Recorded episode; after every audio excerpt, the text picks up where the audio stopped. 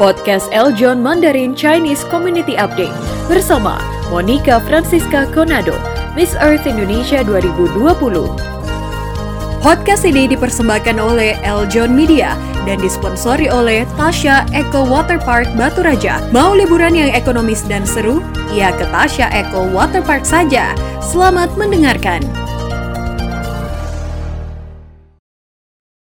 Jumpa sahabat Eljon TV Anda kembali menyaksikan Chinese Community Update. Chinese Community Update merupakan program yang memberikan Anda informasi terkait dengan kegiatan dari komunitas Tionghoa dan juga perkumpulan marga Tionghoa di Indonesia. Dan kali ini sahabat Eljon untuk mengawali episode kali ini kita akan masuk pada segmen kegiatan komunitas Tionghoa.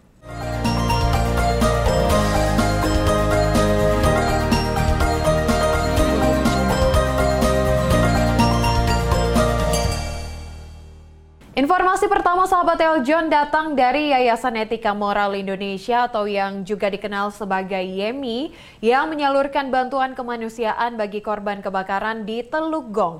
Seperti apa informasi selengkapnya kita saksikan berikut ini. Yayasan Etika Moral Indonesia atau YEMI kembali melakukan aksi sosialnya. Kali ini ditujukan bagi warga korban kebakaran di Teluk Gong, Jakarta Utara. Pada Sabtu 17 Juli 2021 lalu, 200 rumah warga di Teluk Gong hangus terbakar. Peduli atas musibah tersebut, Yemi dengan Ketua Umumnya Alex Tumondo dan Ketua Dewan Pembina Yemi Dr. Edi Kusuma SHMH menyalurkan bantuan kemanusiaan terhadap korban untuk meringankan penderitaan mereka dan menanam karma baik. Bantuan kemanusiaan digalang dari para donatur, di mana bantuan yang diberikan kepada warga korban kebakaran berupa 200 selimut, 200 handuk, 200 sikat gigi, 200 pasta gigi, 200 sabun mandi, 200 minyak kayu putih, 200 dus masker, 200 biskuit, 200 susu, dan 200 kotak vitamin C. Adapun bantuan kemanusiaan tersebut diserahkan oleh perwakilan Yemi, Sudarto Huang, dan Paul Kosasi kepada perwakilan warga korban kebakaran Teluk Gong. Perwakilan warga menyambut antusias dan bersama-sama bergotong royong menurunkan bantuan kemanusiaan tersebut untuk didistribusikan kepada warga korban kebakaran. Yemi yang berkantor di Jalan Pluit Karang Indah 8, Blok Q8 nomor 45A Pluit Jakarta Utara memiliki program bakti sosial antara lain penyelenggaraan vaksinasi, pemberian bantuan kaki palsu, pemberian bantuan kepada korban bencana dan rutin gelar donor darah.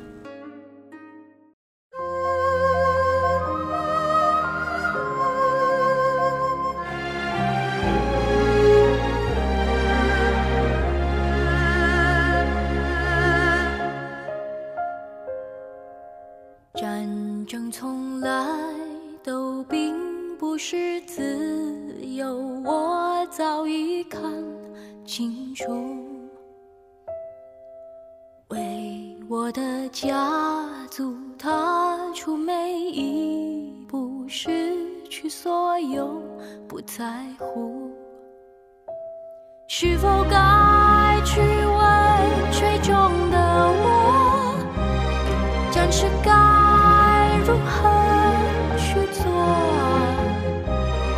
i'm 者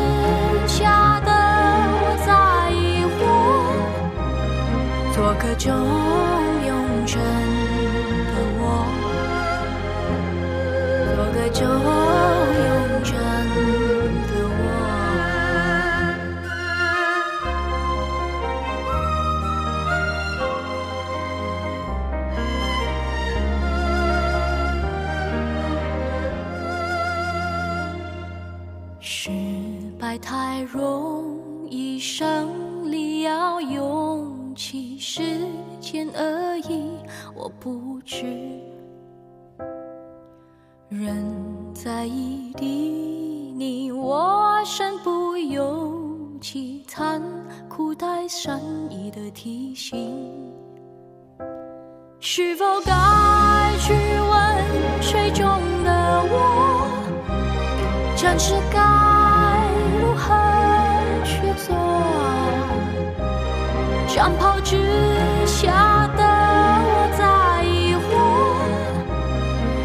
做个忠勇真的我，做个中庸真的我。清晨的冰冷，梦的余温，追寻我一生，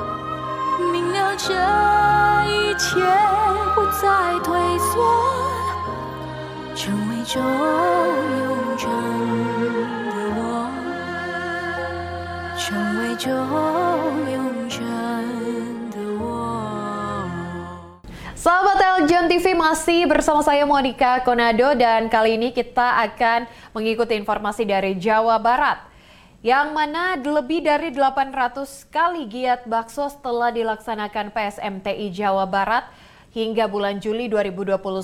Begitu banyak paket sembako APD, vitamin, vaksinasi, donor darah yang telah dilakukan dan juga disalurkan.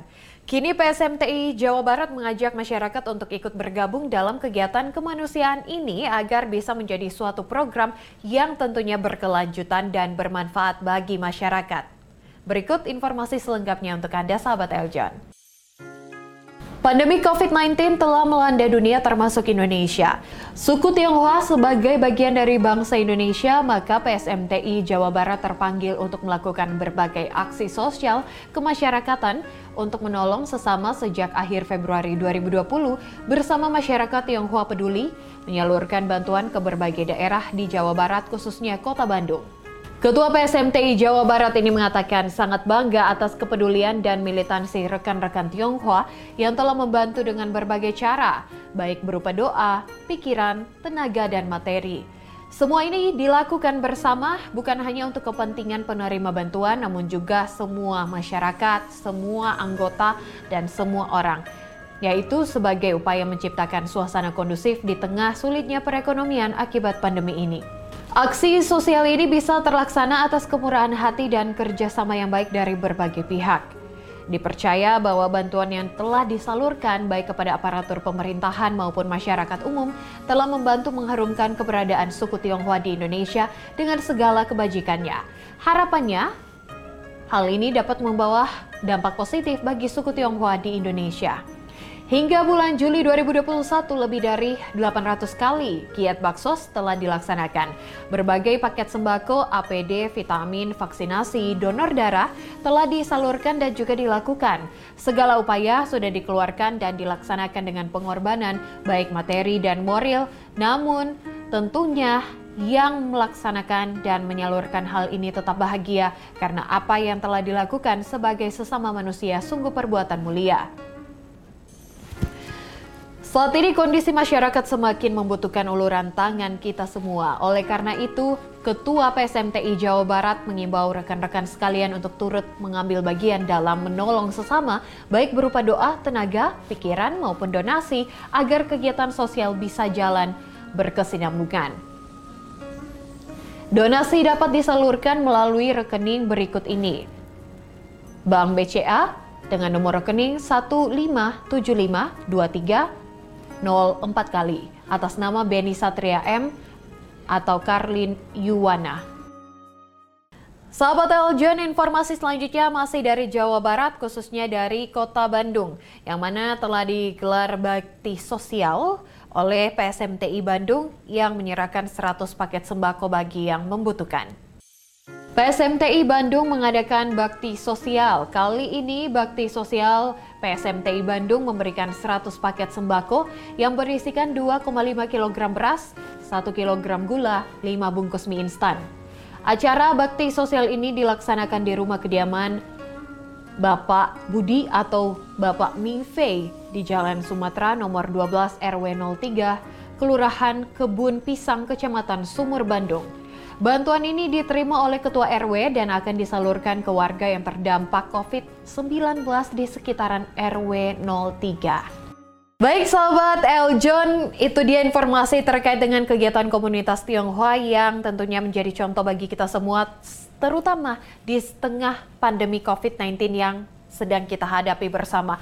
Bukan hanya diri saya atau diri Anda yang menghadapi pandemi COVID-19, tapi kita semua sebagai masyarakat Indonesia bahkan di dunia ini tetap juga masih menghadapi pandemi COVID-19. Maka dibutuhkan topangan doa dan juga dukungan antara sesama kita sebagai masyarakat di dunia ini. Demikian juga informasi tadi mengakhiri segmen kegiatan komunitas Tionghoa dalam episode kali ini. Tetaplah bersama kami dalam Chinese Community Update. Sahabat Teljon TV di mana pun Anda berada, Anda sedang menonton program Chinese Community Update.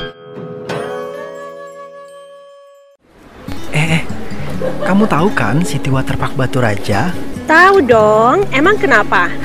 City Waterpark Batu Raja sekarang udah ganti nama Jadi Tasya Eco Waterpark Batu Raja Makin keren-keren loh spot foto dan area kolam renangnya Wah, keren banget. Jadi penasaran? Kalau penasaran, langsung aja datang ke sana sekalian bawa teman-teman kamu dan juga keluarga kamu biar makin seru. Ayo, siapa takut? Pengumuman, pengumuman. Untuk masyarakat Kota Batu Raja dan sekitarnya, Situ Waterpark Batu Raja kini berganti nama menjadi Tasya Eco Waterpark Batu Raja. Fasilitas dan arena bermain, dua kolam renang besar dengan wahana bermain ember tumpah raksasa, perosotan anak-anak dan kolam renang anak-anak yang luas dan nyaman. Ada spot foto yang instagramable, area kolam yang luas dan bersih, serta lahan parkir yang nyaman dan gratis. Penasaran? Datang dan ajak orang-orang spesial kamu ke Tasya Eco Waterpark Batu Raja, Jalan Garuda Lintas Sumatera, samping Gor Batu Raja, Ogan Komering Ulu. Mau liburan yang ekonomis dan seru? Ya ke Tasya Eco Waterpark saja.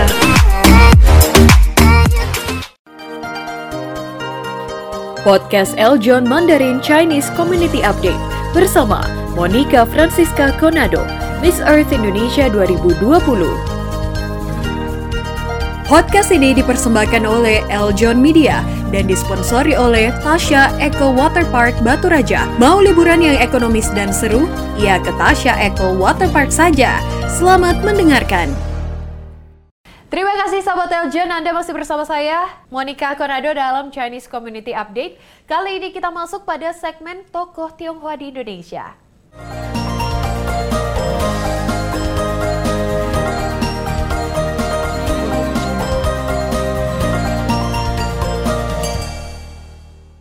Sahabat Eljon, tahukah ada tujuh kiprah orang-orang Tionghoa untuk Indonesia? Walaupun kita Tionghoa, namun kita Indonesia. Apa hubungan orang Tionghoa dengan lagu Indonesia Raya dan WR Supratman? Oke, pertanyaan yang bagus. Lagu ciptaan mantan wartawan kelahiran 9 Maret 1903 yang akhirnya menjadi lagu kebangsaan kita ini semula berjudul Indonesia, bukannya Indonesia Raya. Yang pertama memuat lirik dan notasi lagu ini setelah diperdengarkan di Kongres Pemuda II adalah Surat Kabar Sinpo edisi 10 November 1928. Nah, inilah peran Tionghoa yang dimaksud. For your information, surat kabar Sinpo ini merupakan sebuah surat kabar Tionghoa berbahasa Melayu yang terbit di Hindia Belanda sejak tahun 1910. Sumpah Pemuda diperingati oleh bangsa Indonesia Saban 28 Oktober tiap tahun. Tanggal peringatan Sumpah Pemuda ini untuk memperingati peristiwa Kongres Pemuda II. Secara kan dalam Kongres Pemuda II inilah tiga ikrar sakral para pemuda bangsa itu terikrar. Tapi eh tapi, tahukah kalian di mana Kongres Pemuda II itu digelar? Nah, Kongres bersejarah itu digelar di sebuah bangunan atau rumah milik seorang Tionghoa Nama Tionghoa itu adalah Shi Kong Liang. Rumah yang kini terletak di Jalan Keramat Raya 106 Jakarta itu sejak tahun 1925 memang merupakan tempat para aktivis muda Indonesia untuk berdiskusi dan berkonsolidasi. Publikasi dan agitasi media. Tadi kita juga sudah menyebut-nyebut nama surat kabar Sinpo. Iya benar, surat kabar Tionghoa berbahasa Melayu yang pertama kali memuat notasi dan lirik lagu Indonesia Raya ini.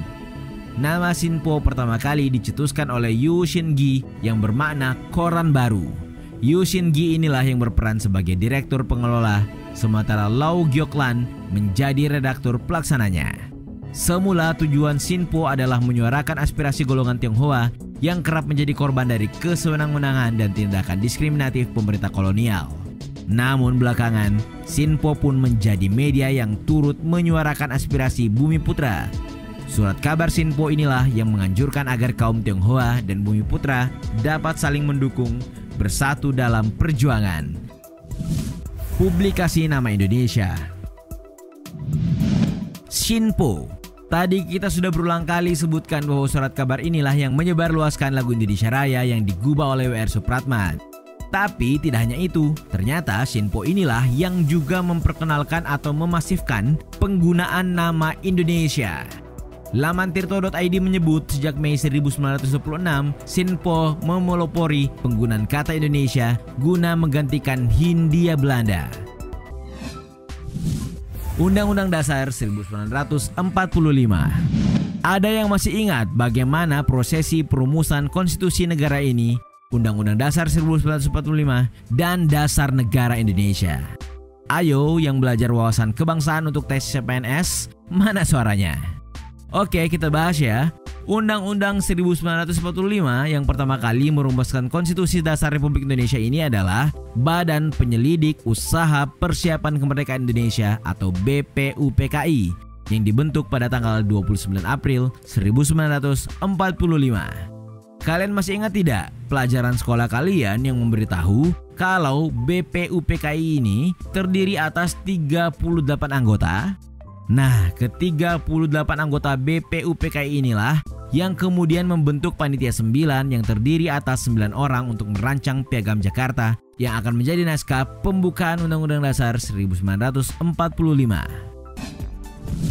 Kejuaraan Dunia Badminton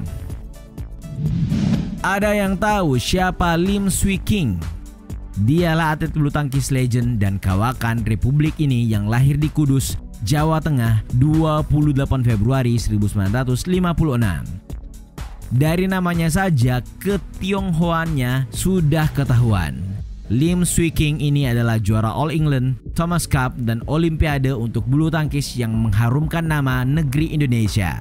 Belum lagi kalau kita menyebut nama Rudi Hartono, senior Lim Swee King. Rudi Hartono juga merupakan seorang Tionghoa dengan nama New Hap Liang tidak hanya mereka berdua. Tionghoa lainnya seperti Susi Susanti atau Wang Lianxiang yang juga menjuarai Olimpiade. Ada juga suami Susi, yakni Alan Budi Kusuma atau Goi Renfang yang juga pemenang Olimpiade dan beberapa kali mengharumkan nama negeri ini di dunia. Nama atlet badminton lain yang paling baru yang juga Tionghoa adalah Jonathan Christie atau Jojo, Simon Santoso, Liliana Nasir, dan sejumlah andalan negeri ini dalam dunia bulu tangkis.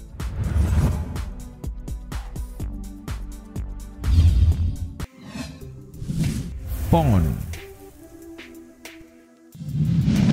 PON ini merupakan pesta olahraga nasional di Indonesia yang diadakan setiap empat tahun sekali dan diikuti oleh seluruh provinsi di Indonesia pada pelaksanaan PON yang dihelat pada 20 sampai 27 September 1953 di Medan, Sumatera Utara.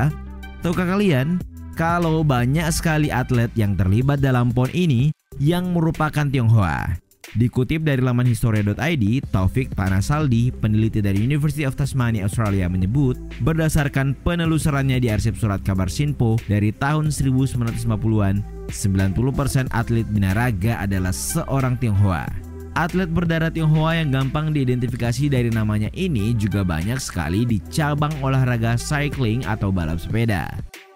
Taufik memaparkan pada PON 3 dari cabang angkat berat yang diikuti 22 partisipan, hampir semuanya mengandalkan atlet-atlet Tionghoa. Di cabang renang, dari 15 medali di nomor putra, 9 medali emas direbut perenang Tionghoa. Itulah tadi sejumlah fakta peranan Tionghoa bagi negeri kita Indonesia. Sahabat LJ itu dia tujuh kiprah orang-orang Tionghoa untuk Indonesia. Dan tentunya Uh, selanjutnya kita masih akan membahas terkait dengan tokoh Tionghoa di Indonesia yang mana keterlibatan kaum Tionghoa dalam dunia politik di Indonesia sudah ternyata berlangsung sejak lama bahkan sebelum negara ini merdeka. Namun demikian terjadi pasang surut hubungan kaum Tionghoa dengan setiap pemerintahan yang berkuasa. Seperti apa sejarah keterlibatan kaum Tionghoa dalam dunia politik di Indonesia dalam perjalanannya? Kita saksikan tayangannya ulasannya berikut ini. Basuki Cahayapurnama atau yang dikenal dengan Ahok menjadi politisi Tionghoa pertama yang duduk di kursi gubernur. Ia menjadi simbol penting bagi komunitas Tionghoa bahwa orang Tionghoa sekarang sudah bisa masuk dalam dunia politik. Namun sebenarnya, partisipasi politik etnis Tionghoa Indonesia sudah muncul sejak zaman Hindia Belanda.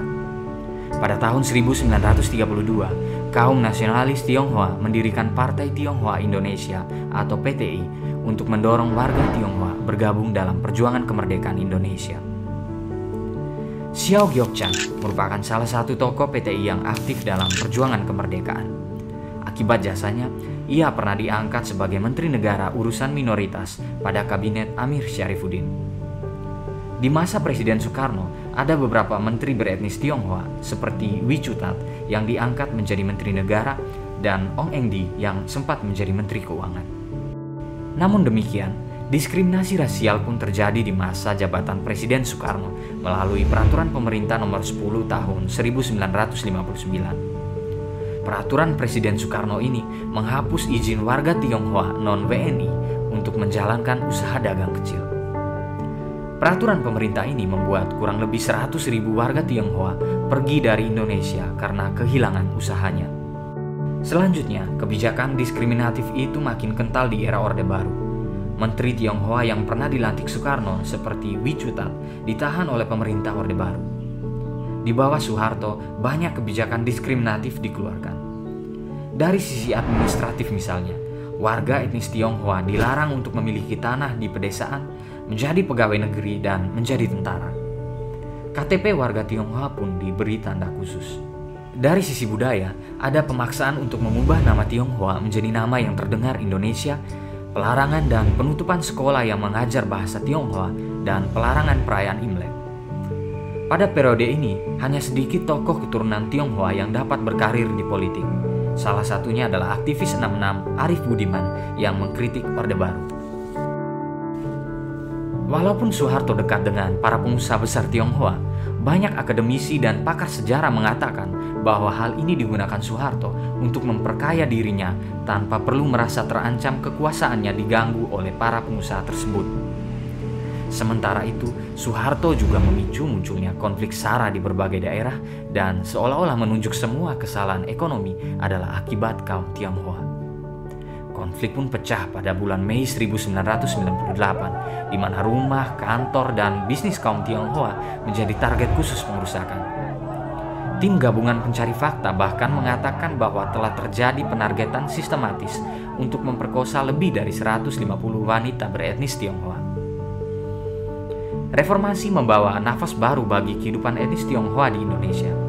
Presiden Abdurrahman Wahid mengeluarkan instruksi Presiden nomor 6 tahun 2000 yang mencabut berbagai larangan terhadap etnis Tionghoa di era Soeharto. Sahabat Eljon, informasi tadi juga sekaligus mengakhiri segmen tokoh Tionghoa di Indonesia. Tetaplah bersama kami dalam Chinese Community Update.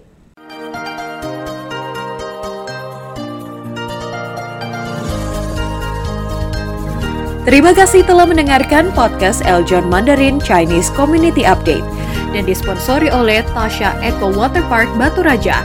Mau liburan yang ekonomis dan seru? Ya ke Tasha Eco Water Park saja. Jangan lupa follow podcast Eljon Mandarin di Spotify. Eh, eh, kamu tahu kan City Water Park Batu Raja? Tahu dong, emang kenapa? City Waterpark Batu Raja sekarang udah ganti nama jadi Tasya Eco Waterpark Batu Raja. Makin keren-keren loh spot foto dan area kolam renangnya. Wah, keren banget. Jadi penasaran? Kalau penasaran, langsung aja datang ke sana. Sekalian bawa teman-teman kamu dan juga keluarga kamu biar makin seru. Ayo, siapa takut? Pengumuman, pengumuman. Untuk masyarakat Kota Batu Raja dan sekitarnya, Situ Waterpark Batu Raja kini berganti nama menjadi Tasya Eco Waterpark Batu Raja. Fasilitas dan arena bermain, dua kolam renang besar dengan wahana bermain ember tumpah raksasa, perosotan anak-anak dan kolam renang anak-anak yang luas dan nyaman. Ada spot foto yang instagramable, area kolam yang luas dan bersih, serta lahan parkir yang nyaman dan gratis. Penasaran? Datang dan ajak orang-orang spesial kamu ke Tasya Eco Waterpark Batu Raja, Jalan Garuda Lintas Sumatera, samping Gor Batu Raja, Ogan Komering Ulu. Mau liburan yang ekonomis dan seru? Ya ke Tasya Eco Waterpark saja.